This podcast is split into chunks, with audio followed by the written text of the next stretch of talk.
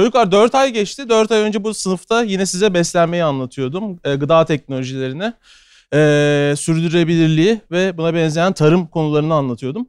Bugün o zaman benden dinliyordunuz. Şimdi işin erbabından aslında konuyu dinleyeceksiniz. E, Tuğçe Hanım sizdeyiz o zaman. Lütfen buyurun. Tabii ki.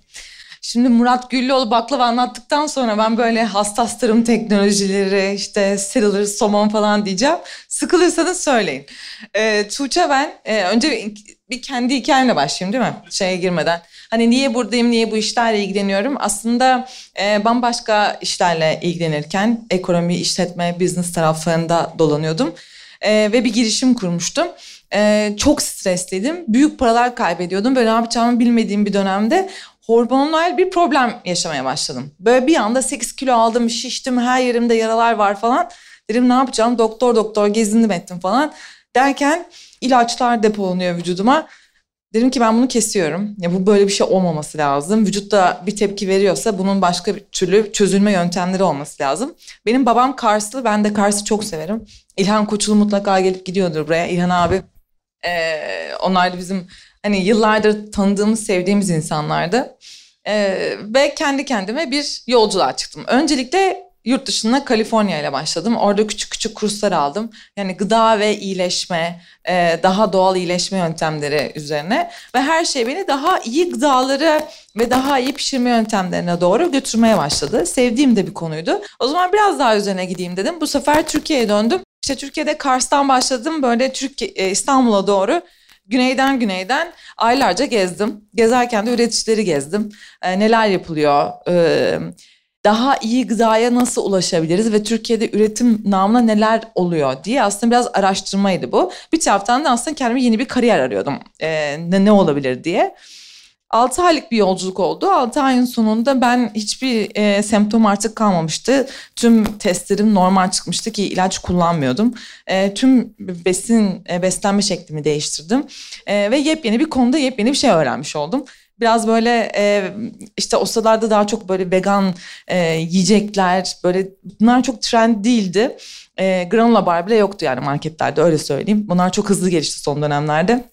Ee, ve öyle olunca ben dedim tamam bu alanda çok fazla ürün yok ve aslında hızlı yaşayan insanların daha iyi beslenmesi için daha iyi ürünlerin marketlerde satılıyor olması lazım diyerek çok naif bir şekilde aa o zaman ben granola barlar yapayım ya üretelim falan dedim. İşte gittim Bayrampaşa'da bir tane e, bir tanıdığın mutfağında e, granola bar üretmeye başladım. Sonra bunu götürdüm Kafenero'ya çok beğendi dedi ki biz bunu almak isteriz. Harika dedim o zaman Kafenero'ya satmaya başlayalım. Ee, burada eğer böyle ürün yapıp marketlere veya kahve zincirlerine ürün satmak isteyen insanlar varsa ki eminim bunun eğitimlerini görüyorsunuzdur. Bu iş öyle tek kişinin yapabileceği çok kolay bir iş değil. Benim gibi eğer naif ve hani böyle Aa ben e, bu işi çok beğendim bence çok başarılı olurum deyip çok araştırmadan girerseniz de böyle güzelce dersinizi alıyorsunuz. Kötü bir şey olmuyor ama ben tek başıma hem ürünleri üretiyordum, paketliyordum, kolilerin içerisine koyuyordum. Sonra kafenin Nero'nun işte deposuna gidecek şekilde kodlarını yapıştırıyordum. Sonra depoya götürüyordum, teslimat yapıp geri geliyordum ve yeniden üretim yapıyordum gibi bir şeyin içine girdim. Sonra Starbucks'a götürdüm ürünleri. Onlar da çok beğendi derken İş öyle bir hale geldi ki okey tamam bu konuda bir eksik var bir açık var. Fakat benim bu alanda bu işi büyütmem için bir paraya ihtiyaç var. Yani daha büyük bir üretim merkezine ve hani çok küçük bir hesapla zaten görüyorsunuz ki tamam yani bir yatırım yapılacak ve bu yatırımın karşılığını ben 4-5 sene sonra alacağım ama benim arkamda o sırada öyle bir yatırım yoktu. Sonra başka bir marka işte Saf e, diye bir marka var belki görüyorsunuzdur marketlerde. E, on, o şirketin başındaki kişiyle görüşmeye gittim. Dedim ki ben böyle böyle yıllardır bu işin içerisindeyim. Ürünler yapıyorum ama kendi kendime mahvettim kendimi. Bana e, sizin ürünlerinizi de çok beğenmiyorum. Bence daha güzelini yaparım. Gelin birlikte yapalım. E, dememle beraber öyle bir yolculuk başladı. Ve Saf'ın ürünlerini yaptık iki sene boyunca. Onları yaparken de ben bu işi çok sevdim. Yani girişimciliği, gıda girişimciliğini çok sevdim. Ve böyle dünyadaki işte fuarlara gez, gidiyorum. Başka girişimcilerle tanışıyorum ve Türkiye'de hiç böyle bir şey yok, aksiyon yok yani. Avrupa'da çok iyi girişimler görüyorum. Amerika'da bu işler büyümüş, böyle milyon dolarlar kazanıyor girişimciler falan. Ee, Impact'ta İstanbul'da çalışıyorum o sırada. Oranın kurucusu da e, benim arkadaşım. Onunla beraber dedik ki o zaman biz bir gıda ve tarım dikeyi kuralım. Yani bu konuda çalışan girişimcilerin birbirleriyle konuşup senin neye ihtiyacın var? Ben ne öğrendim? Sen ne yapabilirsin? Mentor var mı? Veya ne bileyim biri bunları Migros'un satın almacısıyla birleştirsin veya işte BİM'in satın almacısıyla birleştirsin ve bu insanlar çok büyük paralar harcamadan aslında sektörde ne oluyor, ne bitiyor, neler yapabilirler biraz daha iyi anlasınlar. Çünkü bu çok değerli bir şey. Şimdi siz buradan mezun olduktan sonra bilmiyorum neler yapmak istiyorsunuz. Restoran mı kurmak istiyorsunuz? Gıda ürünü mü yapmak istiyorsunuz? Hepsi olabilir.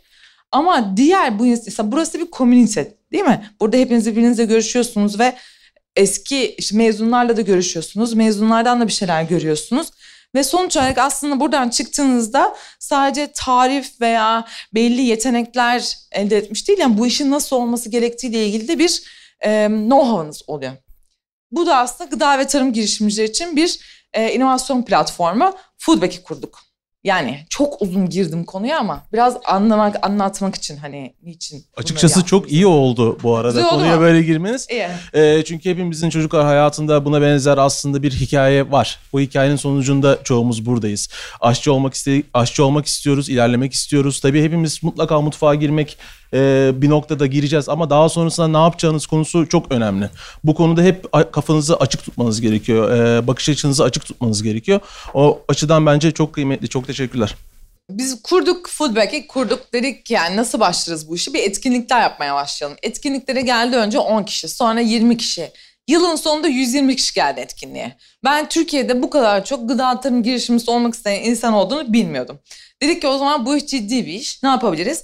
EIT Food diye bir hub var Avrupa'da. European Innovation Technology Food Fund.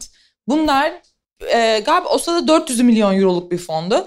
E, genel olarak Avrupa'da iyi gıda ve tarım girişimcilerinin yetişmesi için fon sağlayan büyük bir hub. Biz bunun Türkiye temsilcisi olduk. O günden beridir de Türkiye'de EIT Food'un tüm programlarını biz yönetiyoruz. Niçin bunu yapıyoruz? Yani biz yani sadece teknolojiler çıksın, gıda tarım teknoloji çıksın ve ne bileyim onlar büyüsün diye değil. Aslında şunu biliyoruz ki daha iyi bir dünya için daha iyi bir gıda sistemi çok değerli.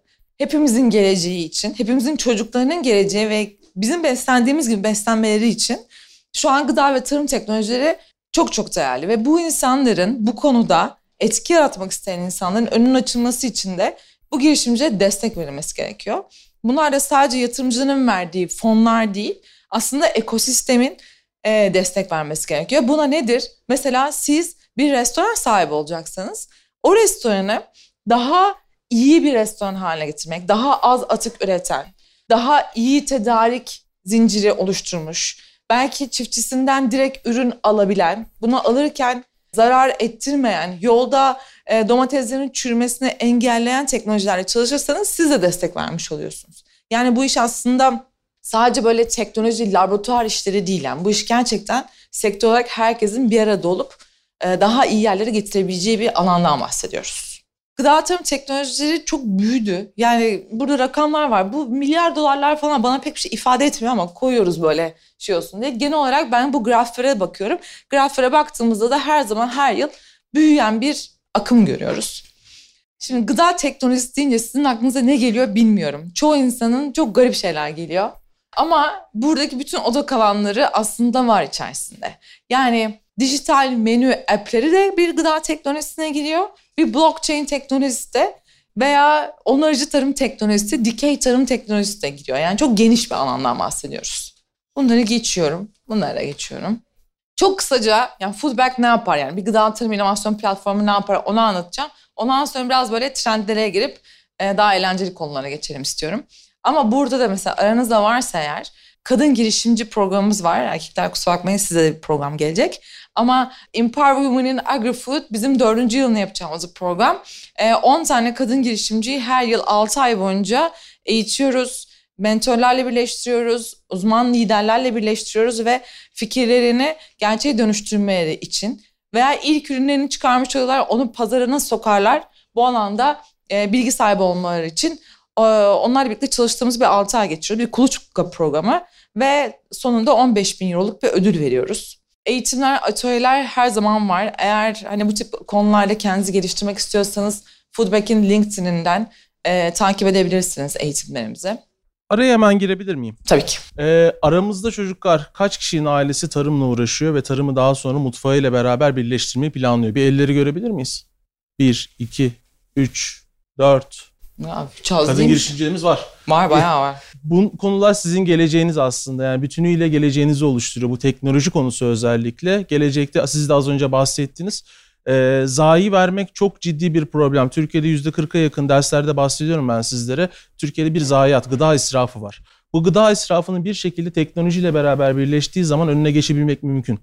Ee, burada da devreye sizler giriyorsunuz ve e, bu şekildeki organizasyonlar giriyor. O yüzden bunları takip etmek şimdiden çünkü kaçırmayın daha sonra. E, mutfağa girdiğiniz zaman bazen biz normal hayatımızdan kopu veriyoruz. Akşamları gidip sadece yatağa başımızı koyup uyumak ve ertesi gün tekrar işe tekrar başlamak gibi olabiliyor. Ama arada buna benzeyen teknolojiyi mutlaka takip etmeniz gerekiyor. E, sizdeyiz. Dediğiniz çok doğru. Ee, Her işin yaparken artık öyle bir artık öyle bir lüksümüz yok. Yani yeni dünyada ben bir iş yapacağım. Bir yandan Murat e, Bey'e çok özendim yani. Ben de hayatım önce baklava yapmak ve öğretim merkezinde olmak çok güzel bir şey. Yani çok niş bir şey ama herkese herkes o kadar şanslı değil yani. Ne yazık ki birçok şeyi aynı anda bilmemiz ve yapmamız gerekiyor artık. Kurumlarla girişimcileri bir araya getiriyoruz. Birlikte çalışmaları için. Bunlar neler olabilir? Ben eskiden böyle şeyler olduğunu bilmiyordum dünyada.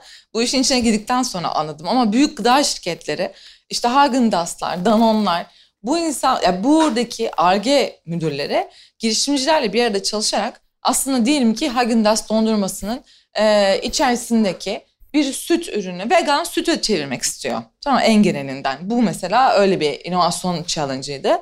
E, en doğru sütü bulmaya çalışıyorlar. Tadı olarak en yakın olacak işin orijinaline. Bu konuda girişimcilerle çalışıyorlar. Danone e, yoğurt kaplarını daha iyi bir ham maddeden üretilmesi için girişimcilerle çalışıyor gibi örnekler var. Yani aslında sky's the limit bu şeyde. Yılın sonunda bir tane konferans yapıyoruz.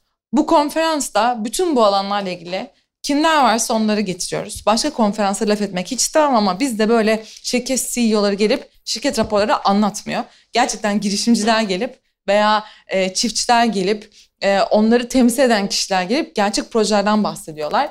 E, bu işin nerd'i olarak ben çok seviyorum. Umarım siz de keyif alırsınız, katılırsınız.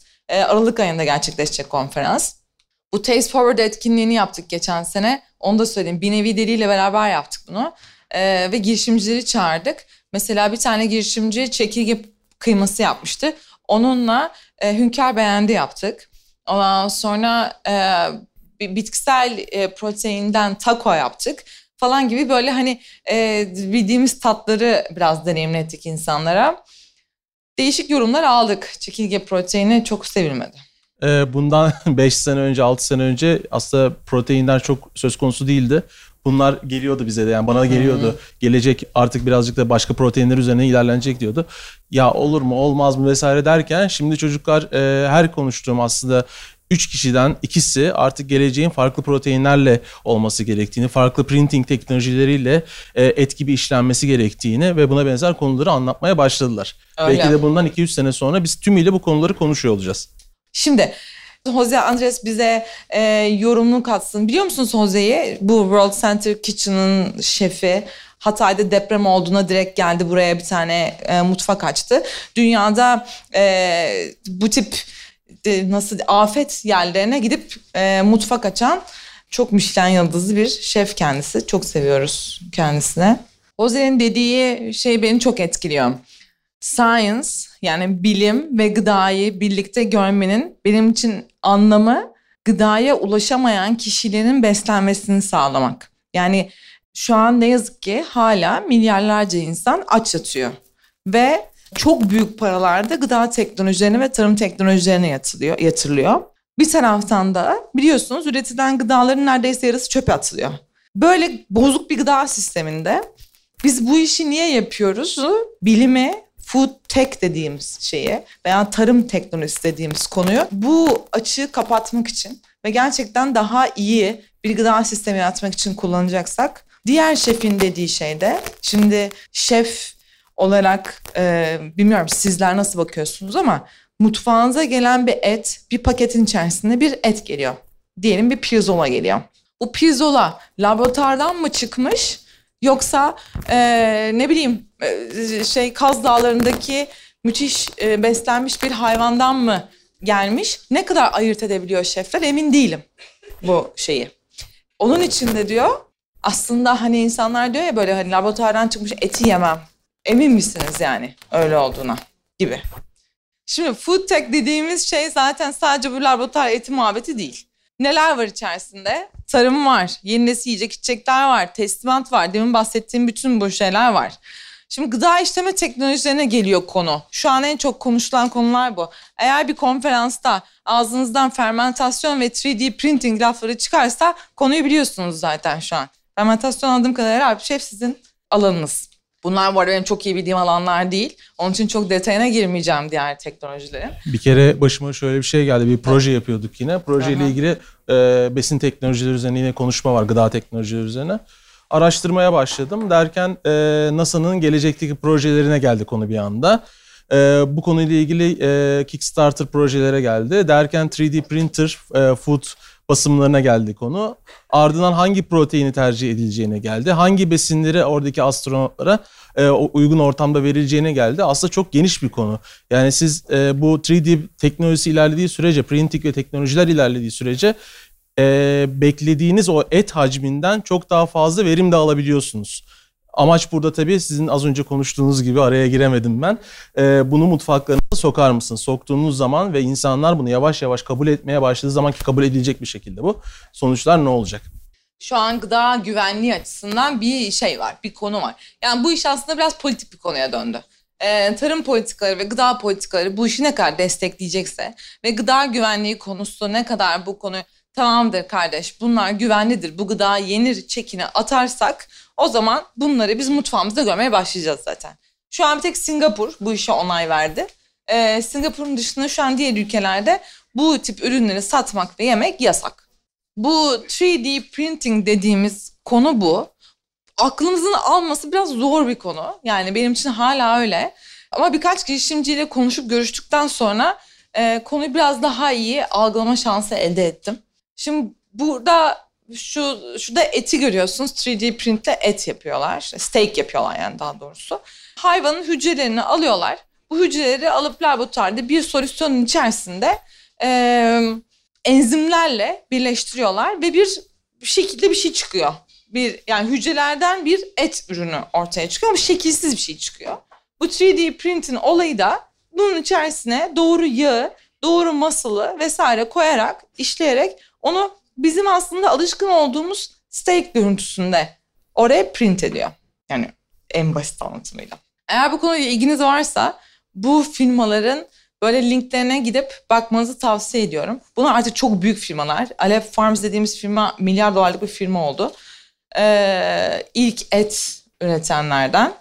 Hani bu iş ne ol nasıl ne demek laboratuvarda üretilen et dediğimizde hani bari yapanlar anlatsın istedim etkileyici yani. Öyle değil mi? Şimdi tadına bakmak lazım. Ben tadının hala çok iyi yerlerde olduğunu düşünmüyorum. Eskiden bana çok korkunç geliyordu. Laboratuvarda e, bir hayvanın yapılıyor olması falan. Fakat yani geçmişe baktığınız zaman e, o farmların, o çiftliklerin içerisinde üretilen balığı yemek daha korkunç gelmeye başlayacak bir noktada insanlara. E, ve işin kötüsü çevre için çok korkunç. Yani üçte iki somonun, üret, tüketilen üçte iki somonun o çiftliklerde üretiliyor olması e, çevre için korkunç sonuçlara e, yani diğer balıkların da hepsinin canını etkileyen bir şeye yol açıyor. Şimdi siz bir şef olarak restoranınıza somon aldığınızda ilerleyen dönemlerde e, eğer dünyada bir saygı e, istiyorsanız artık o somonu nereden aldığınıza dikkat etmek zorundasınız. Yani o somonu çevreyi çok kirleten bir çiftlikten alıyorsanız o sizin sorumluluğunuz da oluyor artık. Onun için e, aslında bu tip teknolojilerin mutlaka şeflerle bir arada ilerliyor olması e, çok önemli. Tabii ki de tadı çok kötü olan bir şeyi mutfağınıza sokmayacaksınız yani veya işte gıda güvenliği ile ilgili bir problemi olan bir şey ama e, alışkın olduğumuz şeylere biraz böyle soru işaretiyle bakıp yeniye de hmm, bir bakayım demenin bile bir faydası olduğuna inanıyorum. Çok ufak araya gireyim. Biz e, toprakları kirletiyoruz. Denizleri kirletiyoruz, müsilajla savaşıyoruz. Havayı kirletiyoruz. En önemlisi suyu kirletiyoruz. Bunların hepsinin kirlenmesi sonucu bize bir şekilde geri dönecek aslında. Dönmeye de başladı. Buna benzer teknolojiler aslında bizim bu geçişi e, doğanın tekrar kendisine gelmesini sağlayacak teknolojiler olarak da önümüze çıkıyor. Yani bir tane dünyamız var sonuçta. Yakın bir zamanda Mars'a çıkılmayacak herhalde kısa bir sürede. E, Elon Musk bir terslik yapmazsa çıkmayacağız. O süre içinde mutlaka bunlara da biraz göz gezdirmekte fayda var. Çünkü geleceğimiz bunlarda. Evet. Bu işin laboratuvar kısmı. İlla oralarda durmak zorunda değiliz. Yeni nesil yiyecek içecekler gelişiyor. Burada alkolsüz içecekler şu an müthiş popüler. E, mantar, yosun bazlı gıdalar, e, mantar, yosun, mantardan ve yosundan hem fermentasyon yöntemiyle hem de e, mikroplarla çok acayip ürünler yapılıyor. Yani et et tarzı ürünler de yapılıyor, farklı farklı içecekler de yapılıyor e, bitkisel proteinler demin dediğiniz gibi. Nütresotik ve nootropikler bilmiyorum bunlar size bir şey ifade ediyor mu isimleri ama nütresotik dediğimiz şey gıdadan hap e, yapma yani gerçekten şifa niyetine gıdanın e, tablet haline gelmesi veya toz haline gelmesi. E, nootropiklerde tamamen beyinle alakalı. Eğer kafam çok çalışmıyor, bu aralar yorgunum veya e, beyin sisi dediğimiz muhabbetler bunlarla ilgili bir şeyiniz varsa artık gıdalarla bunları çözüm getiriliyor. Mesela şurada gördüğünüz Bright for Better Focus yazıyor üzerinde. E, bu tamamen öğrenciler için veya işte ayakta çok çalışan insanlar için geliştirilmiş böyle enerji versine yapılan içecekler. İçindeki yani bunu yapmasının sebebi içinde bir ilaç olması değil bazı e, bitkilerin karışımından dolayı olması. İşte yosundan yapılan pastalar vesaire. İşte bu Jiminy's de mesela böcek proteinden barlar yapıyor. Şimdi böcek böcek proteini hep çok konuşulan bir şey. Herkesin en çok tartıştığı konu. Bana sorarsanız çok şey değil yani. Çok da önemli değil. 50 tane protein çeşidi var. İlla böcekten yapmak zorunda da değiliz. Böcek proteini bizim gibi batı ülkelerini ben çok tüketeceğine inanmıyorum. Ee, kültürümüze aykırı. Onlar ancak doğu kültürlerine zaten böceğin yendiği ve tüketilen yerlerde hayat kurtarabilir.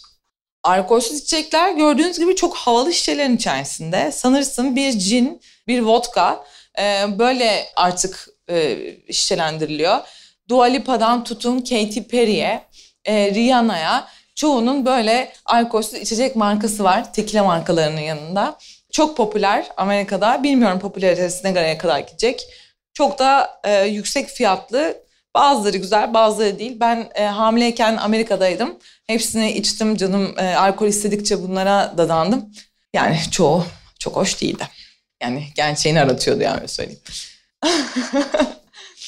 Gıda teslimatı pandemiyle beraber gıda teslimatı herhalde burada da konuşulan bir şey oldu. Yani restorancılık eşittir böyle e, delivery company gibi şeylere doğru dönmeye başladı. Özellikle bu konularda sizin fikrinizi merak ediyorum. Şimdi yani bu kadar sürdürülebilirlik konuşuyoruz. Geçen sene e, veya bir önceki sene neyse kahve almak için artık hala yapabiliyoruz. Getire yazıyorsun kahve getir diyorsun kahve getiriyor. Dünyanın en saçma şeyi yani aslında çevre için ve şey için. Tabii ki de ama bunun rahatına alıştık. Rahatına alıştıkça ne oldu işte böyle yeni yeni teknolojiler geldi. Yani yemek sepetinin şeyini görmüşsünüzdür. Bağdat Caddesi'nde böyle gezdirdiler. Robot yemek götürüyor. Türkiye'de gerçekleşmesi zor teknolojiler olduğuna inanıyorum. Bir drone'la camımızdan içeri pizza atarlar mı bir gün emin değilim. Çok da önemli olduklarını düşünmüyorum. Kişiselleştirilmiş beslenme bir diğer trend. Çok önemli bir trend.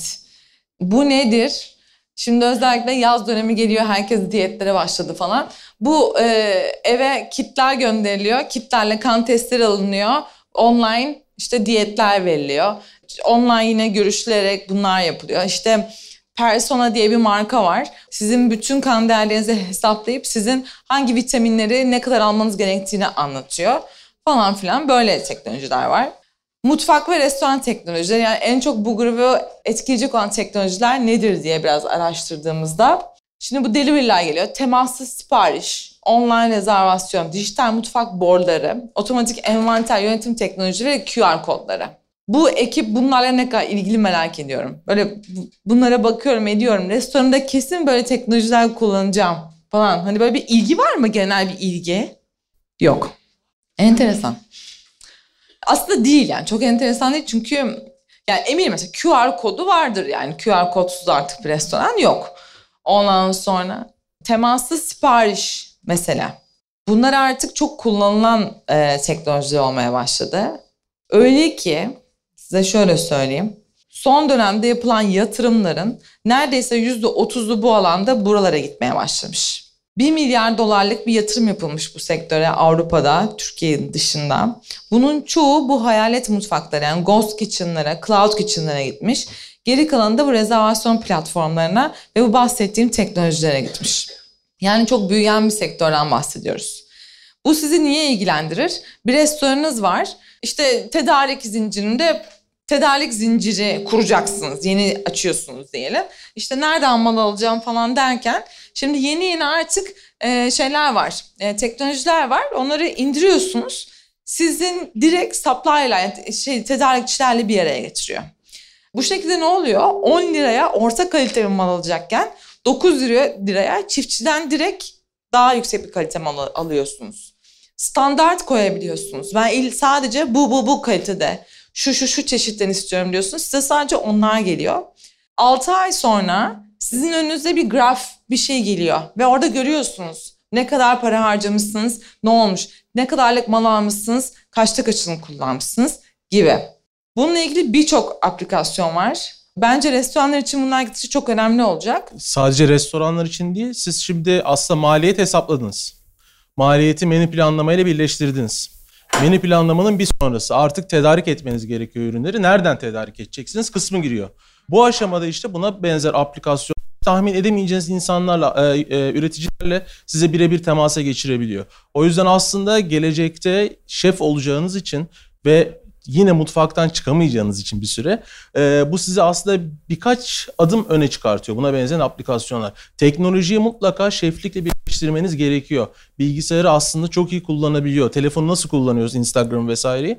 Bunları da aynı şekilde kullanabiliyor olmamız gerekiyor hayatımızda ki birleştirelim ve çok hızlı ilerleyelim. Bir de atık muhabbeti var. Tabii tabii. Bir de bunların hepsi aslında mutfağınızdaki atığa bağlanıyor. Evet çünkü e, doğru yani atığın en büyük atığın olmasının en büyük sebebi doğru satın alma yapmıyor olmak. Evet. Yani doğru satın alma yapmıyor olmamızın en büyük sebebi de içeride bir tane Ali abi var. Abi aldım mı aldım. Abi ben 3 kilo vermiştim o siparişi ya. Şimdi muhabbet böyle değil mi? İçeride hani böyle bir tamamen insan odaklı bir şey var.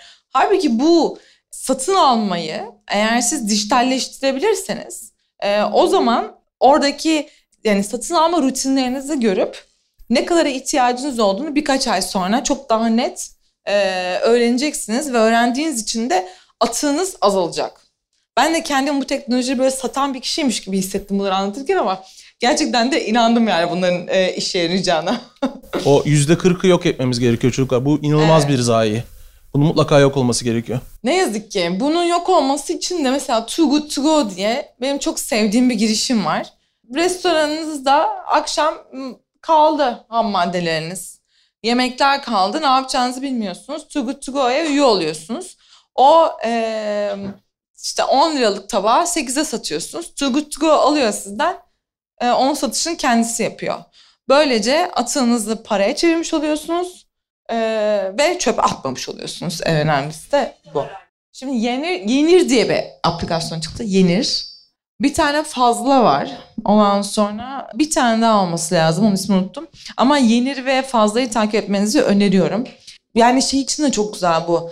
Yani gıda fiyatları ne kadar arttığının farkındayız. Hepimiz enflasyon şişmiş vaziyette ve e, ne yazık ki gıdanın demokratik ulaşımı ile ilgili problemler yaşıyoruz. Yani insan sağlığı için de çok önemli olduğunu düşünüyorum artık bu teknolojilerin. Bu Fine Dine de bu arada Türkiye e, Türk e, bir marka. Bunlar da bak şöyle bir şey demiş mesela. Fine Dine'ı kullanılan müşteriler average order value yani yüzde yirmi daha fazla sipariş alıp e, yüzde kırk daha fazla bahşiş almışlar gibi böyle bir şey çıkarmışlar. Yani e, hizmeti daha iyi verebiliyorsunuz bazı teknolojiyi kullandığınızda. İşte atık yönetimi aslında bu demin konuştuğumuz şeyler. Yani doğru üretim planlama vesaire, doğru reyonlar. Bir de dijital reyonlar çıktı şimdi. Diyelim büfeniz var. Büfeye bir tane dijital bir reyon koyuyorsunuz. Gelen misafir, misafir mi denir? E, müşteriler o dijital reyondan kendisi sipariş veriyor. Böylece hani garson gitti aldı kağıda yazdı falan yapmıyorsunuz. O direkt mutfağa gidiyor. Mutfakta yapılıyor. E, daha hızlı ve daha e, az e, hata payı olan işler çıktı. Benim bir sevdiğim de bu Appeal firması. Bunlar da gıdaların bozulmasını önleyen jeller koyuyorlar gıdaların üzerine ama bunları çok doğal bir şekilde üretiyorlar. Ama bu detaylara girmeyeceğim. Tarım teknolojilerinden siz bahsediyorum dediniz. İşte bunlarda topraksız, susuz, dikey tarım. Siz galiba şeyi çok iyi biliyorsunuz zaten bu e, şey tarımı. Plant Factory ile çalışıyor mesela diyebiliyorum. Biz fazla gıda ile beraber de çalışıyoruz. Fa- ah, harika. Peki nasıl tat olarak aynı tat, aynı kaliteyi buluyor musunuz? Merak ettim. Bizi biz karşılıklı aslında birbirimizi yönlendiriyoruz. Yönlendirdikten sonra en uygun ürünü aslında elde edebiliyoruz. Bu dönem birazcık yavaş ilerliyoruz ama normalde istediğimiz sonuçlar elde ediliyor. Oranın çünkü çok iyi çalışanları var. Harika. Ee, biz de yukarıda ufak bir yer ayırdık bu işler için. Aha. Orada ufak bir üretim aslında hepiniz görmüşsünüzdür mutlaka. Ee, şeyde A2'nin arka tarafında bir şey var. Ufak bir tarla var. Kapalı bir şekilde tarla diyelim. Ee, orada sürekli üretim oluyor çocuklar. Mutlaka bakın gözünüze yani bir çarpsın orası. Çünkü gelecek hep bunlarda. Bunlar niye önemli? Yani çünkü gıda çevreyi çok kirletiyor. Ne yazık ki gıda sektörü e, dünyadaki en çok suyu kullanan sektörlerden bir tanesi. Hayvancılıkla beraber kaynaklar gidiyor, nüfus yaşlanıyor. Yaşlandıkça hastalıklar artıyor ve gıdanın iyileştirici gücünden yavaş yavaş uzaklaşıyoruz. Benim için en değerli olan da gıdanın demokratik ulaşımı. Ben Türkiye'de artık insanların aç yatmasının çok utanç verici olduğunu inanıyorum. Ve bu utanç verici durumu düzeltmek için de hepimizin mutlaka bir sorumluluğu olduğunu düşünüyorum. Ve gıda ve tarım politikalarımızın bu konuda değişmesi gerekiyor. Bu bahsettiğimiz future food'lar yani bu laboratuvar etleri olsun işte e, yeni nesil teknolojiler vesaire bunlar dünyada gittikçe yatırıma artıyor bak görüyorsunuz. Son 5-6 yılda şu üstteki mavi ve gri'nin e, payının büyüklüğüne bakın. E, yani dünyada aslında artık bunların ne kadar önemli olduğunu farkında ve buralara para yatıyor. Ki bu alanlarda ilginiz varsa mesela bu tip işler yapan startupların içerisine girip bu insanlarla çalışmak, bunu böyle şeylerde çok mümkün. Yani bu tip kariyerler de var hayatta. Onu söyleyeyim size. Şimdi işin eğlencesine gelelim biraz. Bu adam gitmiş, böyle bir şey yaratmış. Diyor ki Metaverse, şimdi böyle bir şey var. Evet. Ee, me, me, me, Son zamanların. e, Metaverse, meta dünyada ya yemek biz yemeyeceğiz de yemeğin hissiyatını alacağız da öylece işte aslında hap alacağız ama hapı aldığımızda yemiş gibi olacağız falan. Merak ettim. Bu durumlara gelir miyiz dersiniz? En sonunda TV'yi yalar mıyız? Hayır. Şimdi aslında beslenme derslerinde biz vereceksek geldik güzel. Onu düşünmemiştim. beslenme derslerinde biz biraz şeyden bahsediyoruz. Duyularımızdan bahsediyoruz. Bir besinin nasıl olması gerektiğinden, görsel olarak bizi nasıl etkilemesi gerektiğinden bahsediyoruz. Aslında anlattıklarınızın hepsi bir tanesi görsel olarak, bir tanesi tabii burada tadı alamıyoruz ama tat olarak, bir tanesi doku olarak gelecekte bize neyi e, göreceğimizi anlatıyor. Hepsinin birleşimi olarak düşünün. Tek tek parça parça almayın çocuklar. Bütün bu 3D print teknolojileri sonuçta bu 3D printable bir şey olabilir ve adam onun üzerine aslında orada yaptığı bir spreyle asitleri değiştirip sadece yerken sizden çikolata hazzını almanızı sağlıyor. Görsel olarak çikolataya benzetiyor. Koku çok önemli hep konuşuyoruz. Koku olarak benzetiyor ve e, gelecek yavaş yavaş bu teknolojiler ilerlemeye başlıyor. Sizin burada payınız ne en önemlisi? Siz de yavaş yavaş buna benzeyen ürünlerin şefleri olmaya başlayacaksınız. Çok kısa bir süreye değişecek bu arada bu işler. E, nasıl hiç pandemi olmaz vesaire olmaz diyorduk. Pandemi oldu. E, buna benzer bir sürü şeyle beraber hayatımız gelişiyor. ChatGPT'ye sordum Evet. ben de. Dedim ki sence dedim ekranları yalamaya mı başlayacağız yakın, yakında? O da olabilir dedi. Olabilir. ne yazık ki. Ama da aslında Alp Şef senin dediğini anlattı. Ee, bütün olay aroma, texture ve prezentasyon yani. Bütün bu duyuların bir arada olması gerekiyor. Onun için de e, gerçek yemeğin yerine geçmez dedi. Neyse ki. Benden bu kadar. Sizi de çok sıkmak ve daha detayına girmek istemedim. Ama bu konularda biraz konuşmak ve e, işin böyle muhabbetini yapmak isterseniz birazcık vaktimiz var galiba. tabii tabii. Bu arada hiç sıkılmadık. Ben en azından ben kendi adıma söyleyeyim hiç sıkılmadım. Çok mutlu oluyorum açıkçası. Elinize sağlık. Çok mersi.